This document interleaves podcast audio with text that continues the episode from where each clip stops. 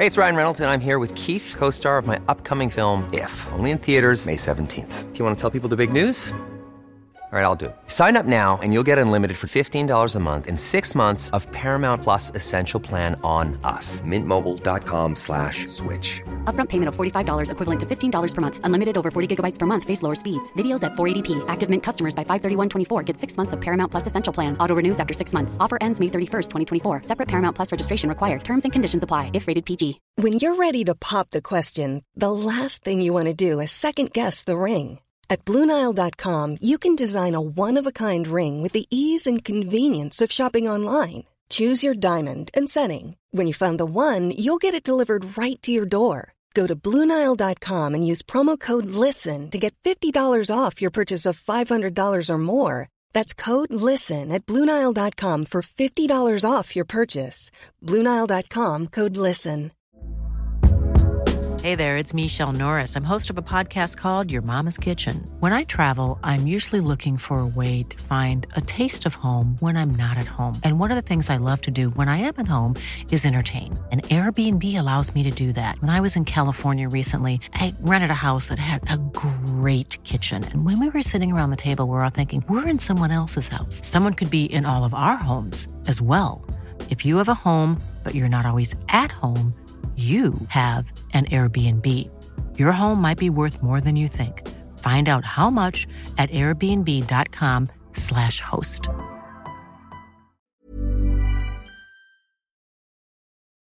I dagens avsnitt berättas om en teori med antisemitiska ursprung. Vi bakom podcasten står inte bakom denna teori och ber känsliga lyssnare att stänga av avsnittet. Hitler and the Nazis were particularly interested in Antarctica. Sudden turning tail and running is taken as evidence that there was some sort of a confrontation, some sort of a battle. And allegedly, he was told to stop talking about this.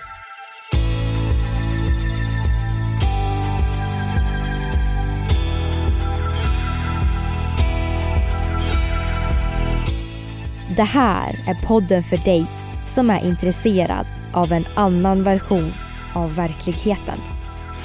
En version som tar upp alternativa teorier, mystiska sammanträffanden och diskussioner om vad som kan vara sant.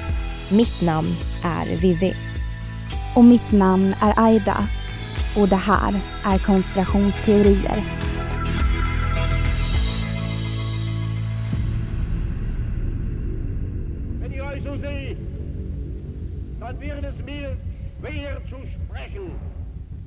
Sommaren 1936 slutför Adolf Hitler en plan för att stärka den tyska ekonomin och militären inför ett krig.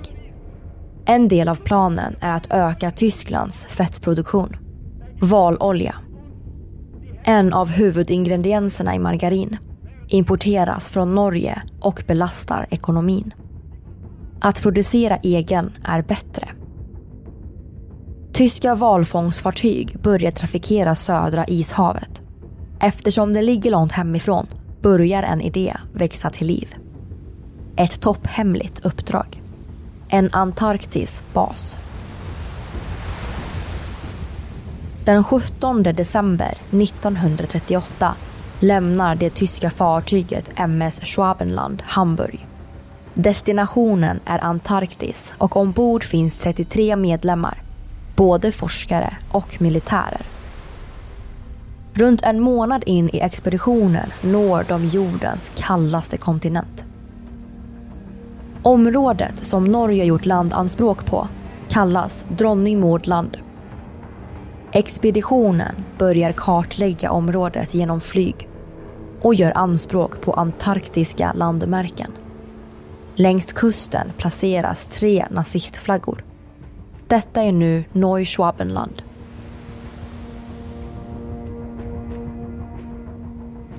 Det dröjer bara en månad innan den tyska expeditionen lämnar Antarktis. Under kriget gick mycket dokumentation och vetenskap från expeditionen förlorad. Eller hölls hemlig fram till 1958. Vi vet mycket väl vad som hände då. Konspirationsteorier. Under åren efter andra världskriget skickas fler militära expeditioner till Antarktis från USA och Storbritannien. Operationer som eldat liv i konspirationsteorier om en nazistbas och stora allierade ansträngningar att förstöra den.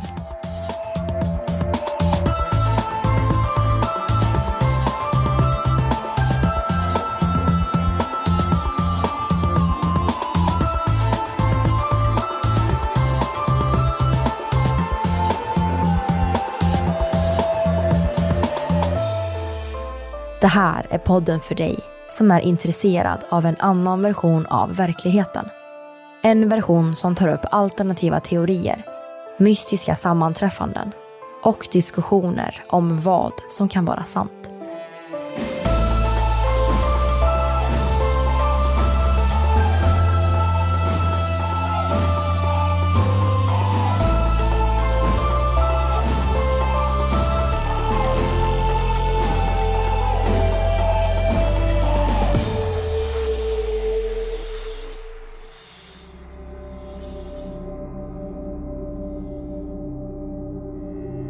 Vi ska säga det.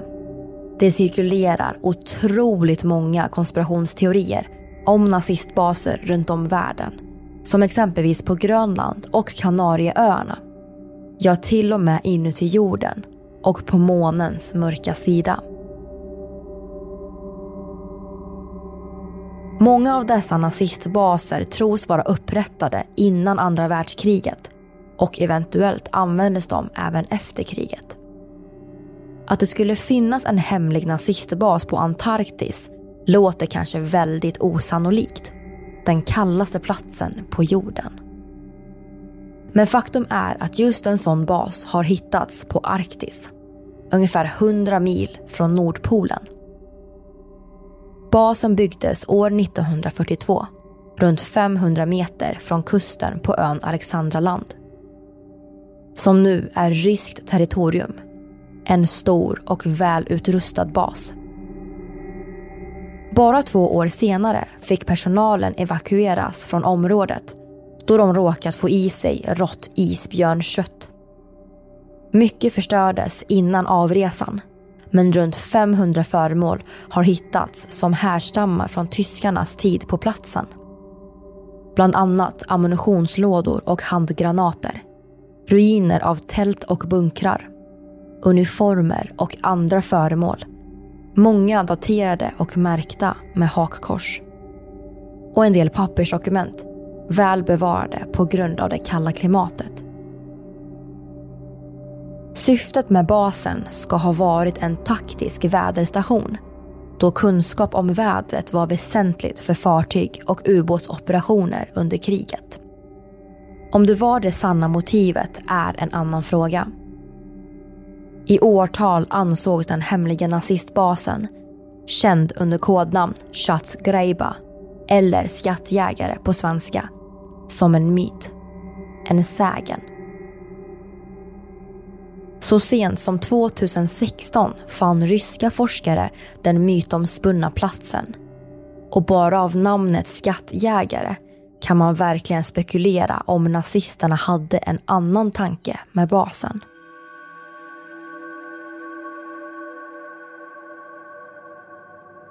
Om vi går tillbaka till den tyska expeditionen, MS Schwabenland, som vi berättade om inledningsvis, kan vi spekulera om det fanns ett annat syfte än just en valfångsstation. Through the 20s and 30s, the, the Germans technologically were very, very interested in rocket development, science development, tech, this sort of really advanced aerospace development really became a German forte that the other nations around the world were really lagging behind. Det är känt att Nazityskland forskade på avancerad flygteknik under andra världskriget. Gamla ritningar bekräftar inte bara deras försök att utveckla rymdfarkoster och motorer, utan även cirkulära flygplan. Märkligt lik det vi idag kopplar till ett UFO.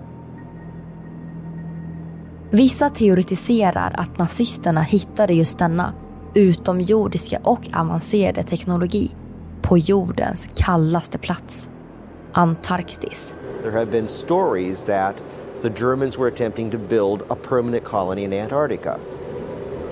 we know for sure that there was the 1938-39 German Antarctic expedition, which did claim a chunk of Antarctica for Germany.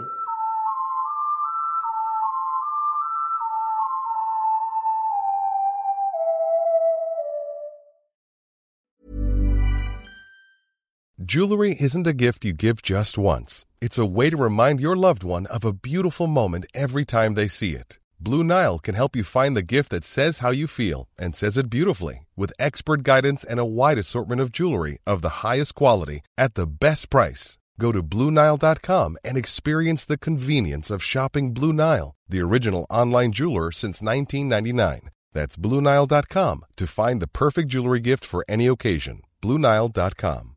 I'm Sandra, and I'm just the professional your small business was looking for. But you didn't hire me because you didn't use LinkedIn jobs. LinkedIn has professionals you can't find anywhere else, including those who aren't actively looking for a new job but might be open to the perfect role, like me. In a given month, over 70% of LinkedIn users don't visit other leading job sites. So if you're not looking on LinkedIn, you'll miss out on great candidates like Sandra. Start hiring professionals like a professional. Post your free job on linkedin.com/people today. Hey, it's Ryan Reynolds, and I'm here with Keith, co star of my upcoming film, If, only in theaters, May 17th. Do you want to tell people the big news? All right, I'll do it. Sign up now and you'll get unlimited for $15 a month in six months of Paramount Plus Essential Plan on us. Mintmobile.com slash switch. Upfront payment of $45 equivalent to $15 per month. Unlimited over 40 gigabytes per month. Face lower speeds. Videos at 480p. Active Mint customers by 531.24 get six months of Paramount Plus Essential Plan. Auto renews after six months. Offer ends May 31st, 2024. Separate Paramount Plus registration required. Terms and conditions apply if rated PG.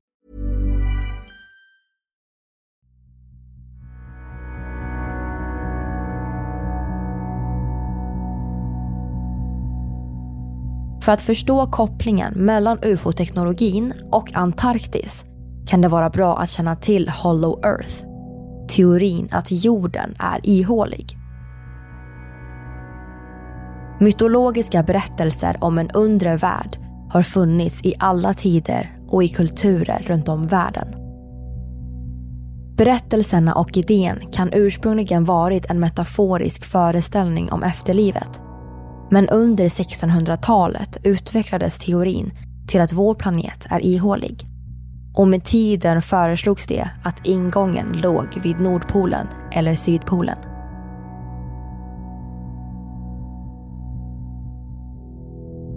Under 1900-talet presenterades allt mer idéer om en värld under vår egen, bebodd av varelser med ofantligt stor kunskap och teknologi. Berättelser om jordens inre, grottor, portaler och ufon publicerades av författare runt om världen, även i Tyskland. I takt med krigstiden etablerades tankesätt om förlorade civilisationer och myter och det diskuteras om flertalet nazister trodde på Hollow Earth-teorin. Det pratas mycket om Nazitysklands fascination över historiska reliker och sökandet efter ursprung. Innan vi fortsätter förklara denna konspirationsteori vill vi återigen påminna om dess antisemitiska ursprung. En teori som lyfts av Youtube-kanalen History är att några ur den tyska Antarktisexpeditionen var medlemmar i Thule-sällskapet som kan beskrivas som ett rasistiskt hemligt sällskap med intresse för myticism och det okulta. Det vissa teoretiserar är att expeditionens syfte inte bara låg i upprättandet av en tysk bas på Antarktis utan även i söka efter bevis att deras förfäder besatt övernaturliga, nära gudalika krafter. De mediala medlemmarna i Thule-sällskapet skulle därmed försöka kommunicera med dessa varelser som befann sig på vår planet under jorden. Teorin preciserar inte utförligt hur detta ska ha gått till. Men det sägs alltså att nazisterna upptäckte underjordiska tunnlar i Muli Hofmanberget beläget i Neuschwabenland. Där fann de gigantiska teknologiska städer under jorden och upprättade en bas. Kanske under kodnamn bas 211.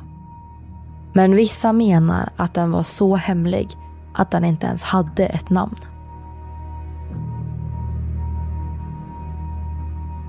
Basen hade givetvis ett taktiskt syfte. Ubåtar kunde ta sig in och ut i hemlighet.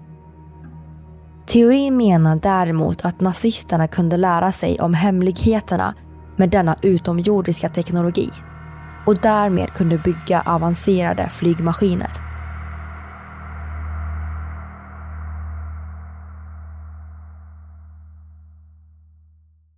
I och med att basen påstås ha upprättats under andra världskriget så finns det en del som tror att de sista striderna under andra världskriget utkämpades på Antarktis. Och att nazisterna fortsatte använda basen efter Tysklands officiella nederlag i början av maj 1945. Det finns påståenden att många tyska vetenskapsmän har försvunnit efter kriget. Kanske flydde de till just Antarktis. Vid krigsslutet gavs order till tyska ubåtar att kapitulera och ligga till vid allierade hamnar. I juli 1945, två månader efter andra världskrigets slut, anlände U530 och U977 i Argentina. Förvånande hade ubåtarna inte kapitulerat utan stannat under havsytan med kurs mot Sydamerika. Förhör med besättningarna gav knapphändig information. Den oväntade ankomsten har eldat liv i konspirationsteorier om Adolf Hitlers flykt och även teorier om nazistbaser i Sydamerika. En förklaring till det ligger i ett påstående från en argentinsk journalist. Han hävdade att han observerat en polisrapport gällande en ubåt utanför den argentinska kusten som innan den upptäcktes av myndigheter satt av två personer. En civilperson och en tysk officerare.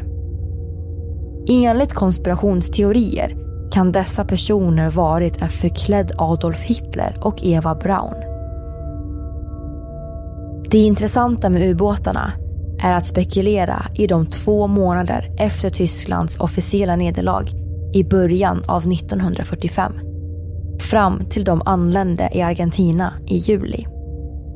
Enligt teorier kan en eller båda ubåtarna besökt basen på Antarktis innan de satte kurs mot Sydamerika. I sånt fall kan det handla om en flyktväg eller för att föra avancerad nazistisk teknologi i säkerhet. There were thousands of sightings in the years immediately following the war, much more so than in North America, which indicates the possibility that the, the Nazis flew to South America and continued operating their craft from their bases there. Kanske låter en hemlig nazistbas på Antarktis orimligt. Kanske inte. I alla fall två operationer har skickats till Antarktis under samma tidsperiod. En brittisk och en amerikansk. Och kopplar man ihop ett och ett så får vi kanske fram den riktiga anledningen bakom dessa expeditioner.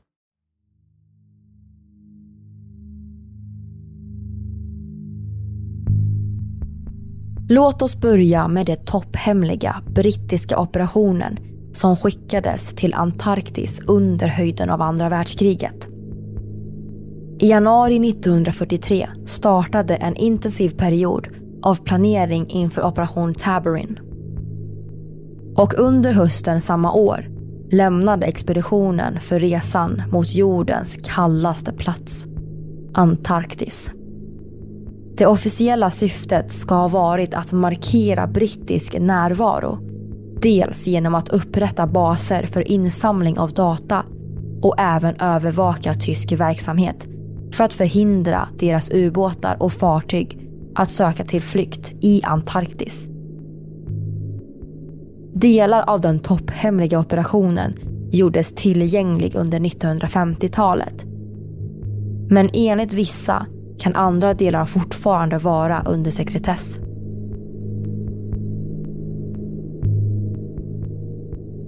När man pratar om mysteriet med Antarktis finns det knapphändig information om Storbritannien.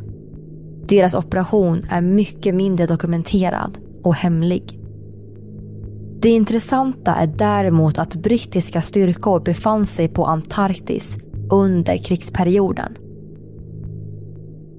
Vi vet inte om det uppstod någon konflikt med tyska styrkor överhuvudtaget. Men man kan spekulera om Storbritanniens operation ämnade att förstöra nazistbasen.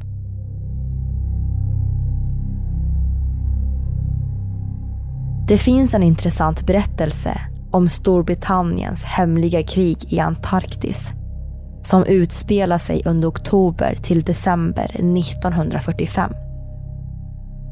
Alltså under den tidsperiod då Hitlers efterträdare Karl Dönitz arresteras av brittiska soldater.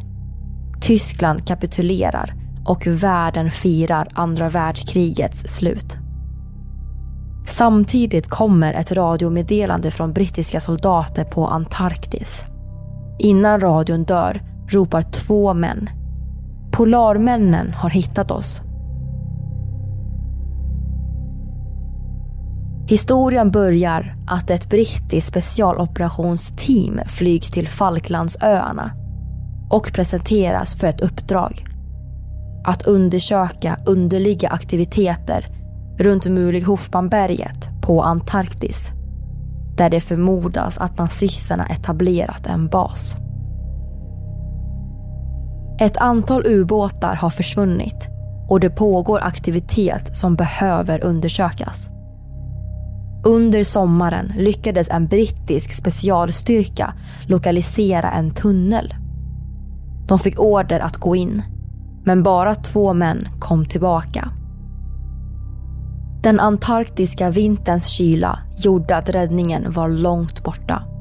Därefter hade ett antal märkliga och oroväckande radiomeddelanden inkommit innan kontakten förlorades i juli 1945.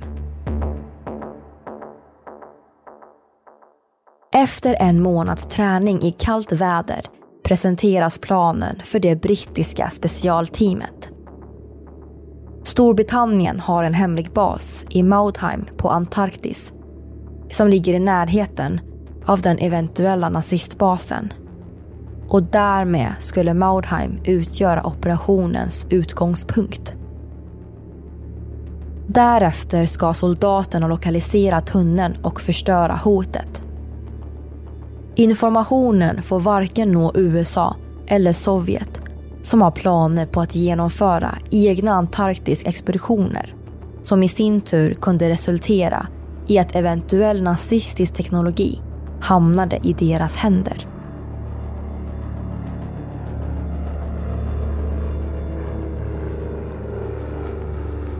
Det brittiska specialteamet flygs till platsen under radiotystnad.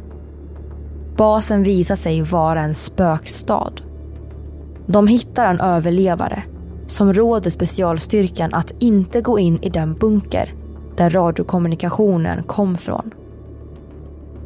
Han berättar att de lyckades hitta tunneln eftersom den låg intill en av Antarktis torra dalar. Tunneln sträcker sig flera kilometer. Efter timmar kommer det brittiska specialteamet till slut fram till en stor underjordisk varm grotta med sjöar. En enorm bas med bryggor för ubåtar och fartyg och stora hangarer med märkliga flygplan. Det ser ut som de varit där länge. I tystnad samlar det brittiska operationsteamet ihop bevismaterial och stöter på någon ny avancerad nazistisk teknologi. När de placerar ut sprängämnen upptäcks de av vakterna och en jakt genom tunneln leder slutligen till att den rasar samman. Utan några bevis för att den någonsin existerade. Soldaterna återvänder till Maudheim för att sedan föras tillbaka till Falklandsöarna med strikta order om att aldrig avslöja det de bevittnat. Historien låter möjligtvis lite väl överdriven. Men kort därefter skickas en amerikansk Antarktisexpedition till Neuschwabenland. Möjligtvis för att just förstöra denna bas. Vi pratar om operation High Jump.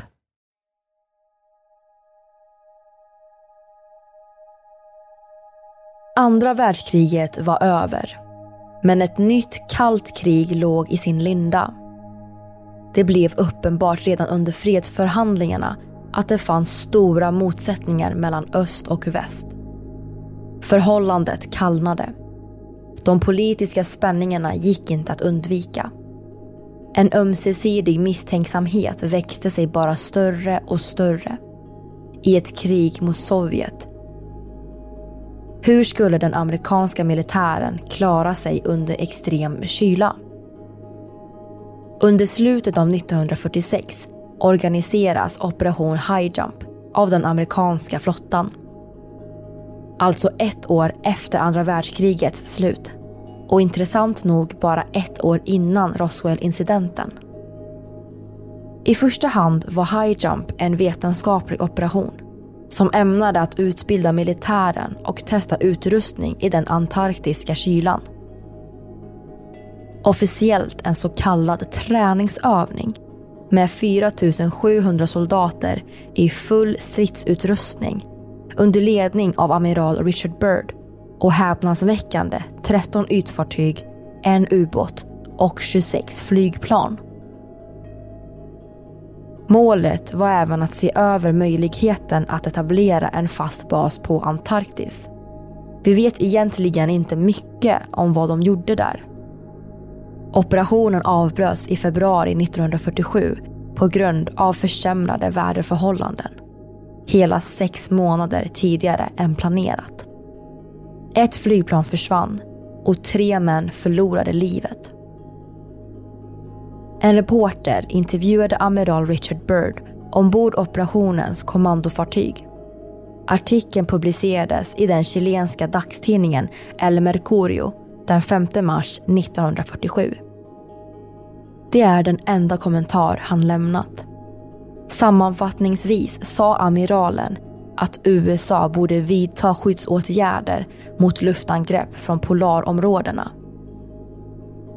Han förklarade att han inte ämnade att skrämma någon men uppmanade regeringen att vidta defensiva åtgärder i händelsen av ett nytt krig med fientliga flygplan. Med tanke på det rådande kalla krigets osäkerheter var kommentaren egentligen inte konstig alls. Att USA skulle skärpa säkerheten kan förklaras av den isolering som avstånd, hav och polarområden tidigare gett för landets säkerhet. Där teknikens frammarsch hastigt medförde att världen minskade. Å andra sidan kan vi fundera på om Amiral Byrd menade något annat. Luftangrepp från polarområdena.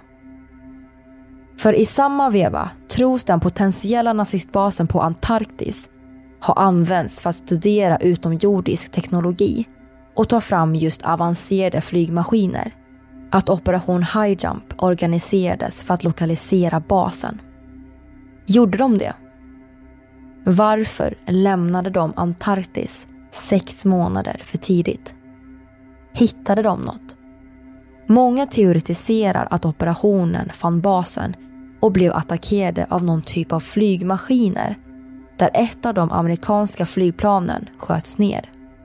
Flera soldater dog och den amerikanska flottan retirerade. The attack was highlighted in a now leaked Soviet report where KGB agents had gained knowledge from US soldiers present at the site of the attack. The US soldiers claimed that while they were being attacked by these hostile forces, they reportedly opened fire on the crafts, ultimately shooting one down into the water below.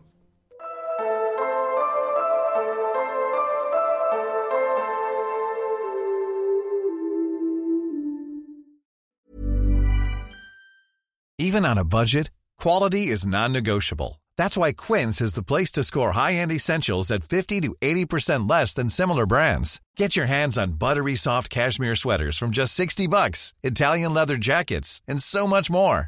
And the best part about Quince, they exclusively partner with factories committed to safe, ethical, and responsible manufacturing. Elevate your style without the elevated price tag with Quince. Go to quince.com slash upgrade for free shipping and 365-day returns.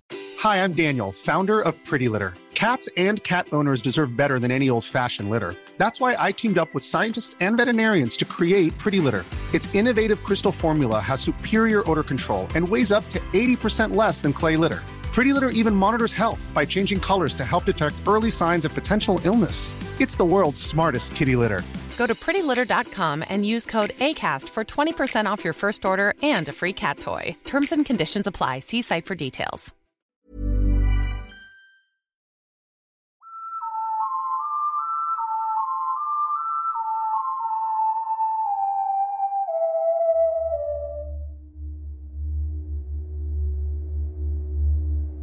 Vi ska gå vidare till operation Argus.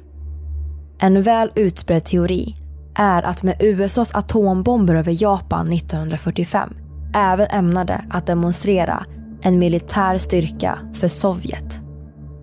Sovjetunionen la i sin tur ner enorma resurser för att hinna ikapp USA. Och 1949 provsprängdes den första sovjetiska kärnvapenladdningen. Med kärnvapen ständigt riktade mot varandra, skarpa varningssystem och flertalet provsprängningar för att visa upp ländernas vetenskapliga och militära styrka befann sig världen nu i kalla krigets terrorbalans. Men maktkampen mellan USA och Sovjet handlade om mer än föreställningen om total utplåning. Samtidigt ökade motståndet mot kärnvapenkapprustningen. Inte minst när forskare fann förhöjda värden av strontium i barns mjölktänder. Ett grundämne som förekommer i radioaktivt nedfall. Potentiella risker med kärnvapenprovsprängningar och radioaktiv strålning diskuterades runt om i världen. I oktober 1958 gjordes ett försök att reglera provsprängningarna. Ett tillfälligt provstoppsavtal. Och både USA och Sovjet anslöt. De politiska spänningarna skulle senare göra att uppehållet blev kortvarigt och föll samman 1961.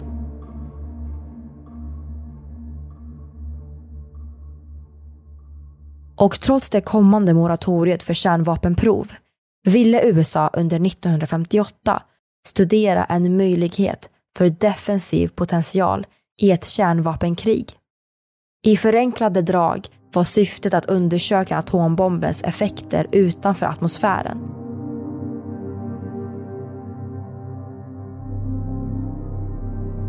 Tidigare samma år upptäcktes Van Allens strålningsbälten med hittills obesvarade frågor om hur det kunde användas för vetenskap, teknik och försvar.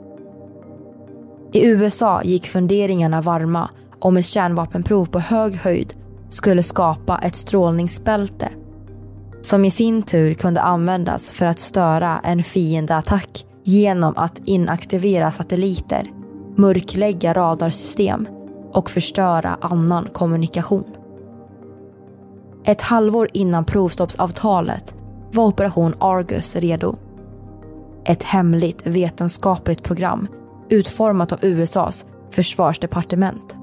Flottan bestod av nio amerikanska fartyg och i augusti och september 1958 detoneras tre kärnvapenexplosioner av USA över södra Atlanten.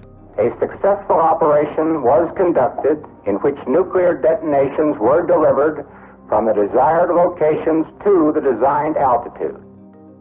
Hypotesen kunde bekräftas. I flera veckor låg ett radioaktivt bälte i den yttersta atmosfären runt jorden. Här hör vi Edward N. Parker, dåvarande chef på Armed Forces Special Weapons Project, som senare blev Defense Threat Reduction Agency inom USAs försvarsdepartement. Argus was a large and complex project, a worldwide laboratory experiment. It was undoubtedly the largest scale single geophysical experiment ever programmed. Yet it was carried out under the considerable handicap of a top secret restricted data classification. This was imposed mainly by political necessities and maintained so successfully that very few of the actual operational personnel ever knew the relation of their activities to the whole Argus experiment.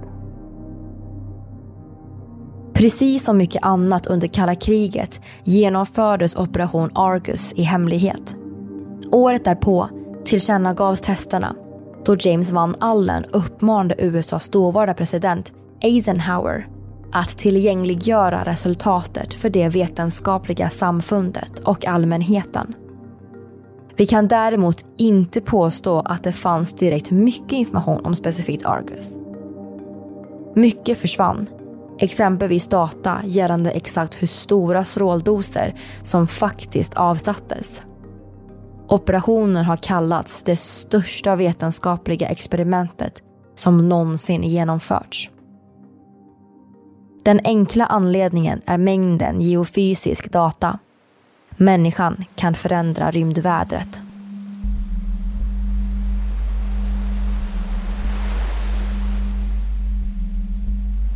Vi är nu framme vid en ny fundering. Var Operation Argus enbart ett forskningsuppdrag med militärt fokus? De tre Argus-missilerna sjösattes från fartyg i södra Atlanten mellan Sydamerika och Sydafrika. Varför just där? Det finns såklart flera argument kring varför det specifikt blev södra Atlanten. Provet behövde genomföras under sekretess och samtidigt skulle de frigjorda partiklarna driva österut. Även om det var önskvärt att sjösätta nära polerna riskerade det för hög strålningsexponering för personalen.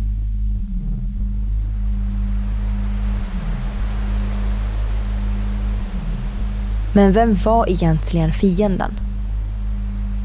Var syftet med Operation Argus att mörklägga Sovjetunionens radarsystem? Eller fanns det kanske ett hot på Antarktis? Ett hot som involverade avancerade flygmaskiner Olikt något någon sett förut.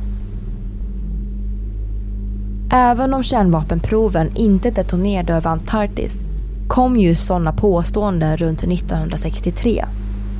Det finns även vissa källor som hävdar att Antarktis inlandsisar fortfarande släpper ut radioaktivt klor från kalla krigets kärnvapenprov. Dessa påståenden kan absolut vara ytterligare ett exempel på konsekvenser av kalla krigets hemlighetsmakeri. Eller så är det ännu en pusselbit i det stora Antarktismysteriet.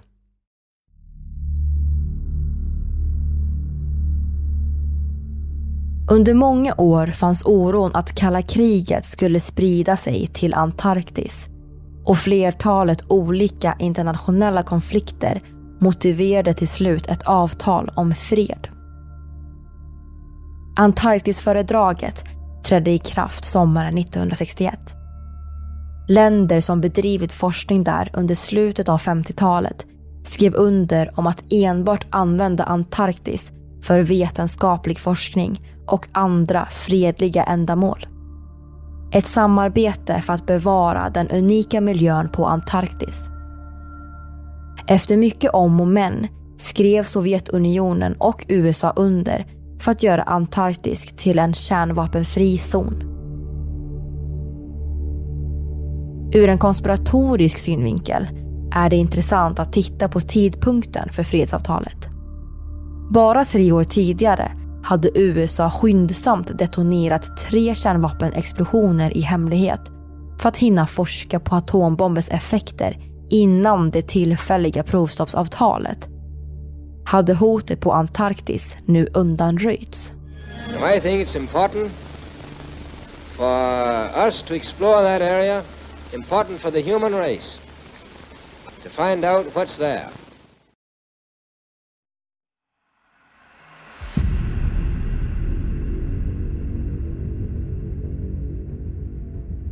Vi vet att Tyskland etablerar en tillfällig bas på Antarktis för att göra sig oberoende av utländska råvaror och samtidigt söker efter en potentiell plats för en tysk marinbas.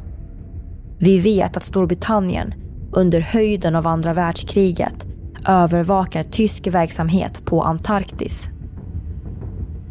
Vi vet att amiral Richard Byrd efter operation High Jump varnar för luftangrepp från polarområdena och uppmanar regeringen att vidta defensiva åtgärder i händelsen av ett nytt krig med fientliga flygplan.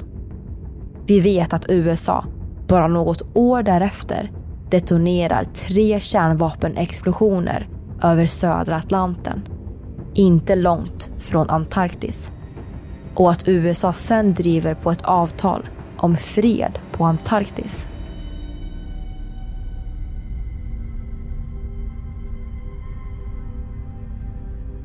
Och samtidigt kanske det aldrig fanns en hemlig nazistbas på Antarktis. Kanske var Storbritanniens operation Tabarin enbart för etablering av en brittisk bas för vetenskaplig forskning under andra världskriget. Kanske var USAs operation High Jump ämnad för att undersöka och för att träna den amerikanska flottan inför ett kallt krig mot Sovjet. Kanske var operation Argus syfte att undersöka atombombers effekter utanför atmosfären vars resultat givit stora mängder geofysisk data.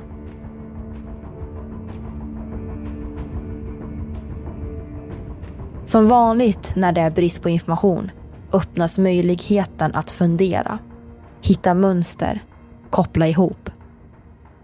Kanske är allt bara ett stort sammanträffande. Eller så kanske det fanns en bas och stora allierade ansträngningar att förstöra den.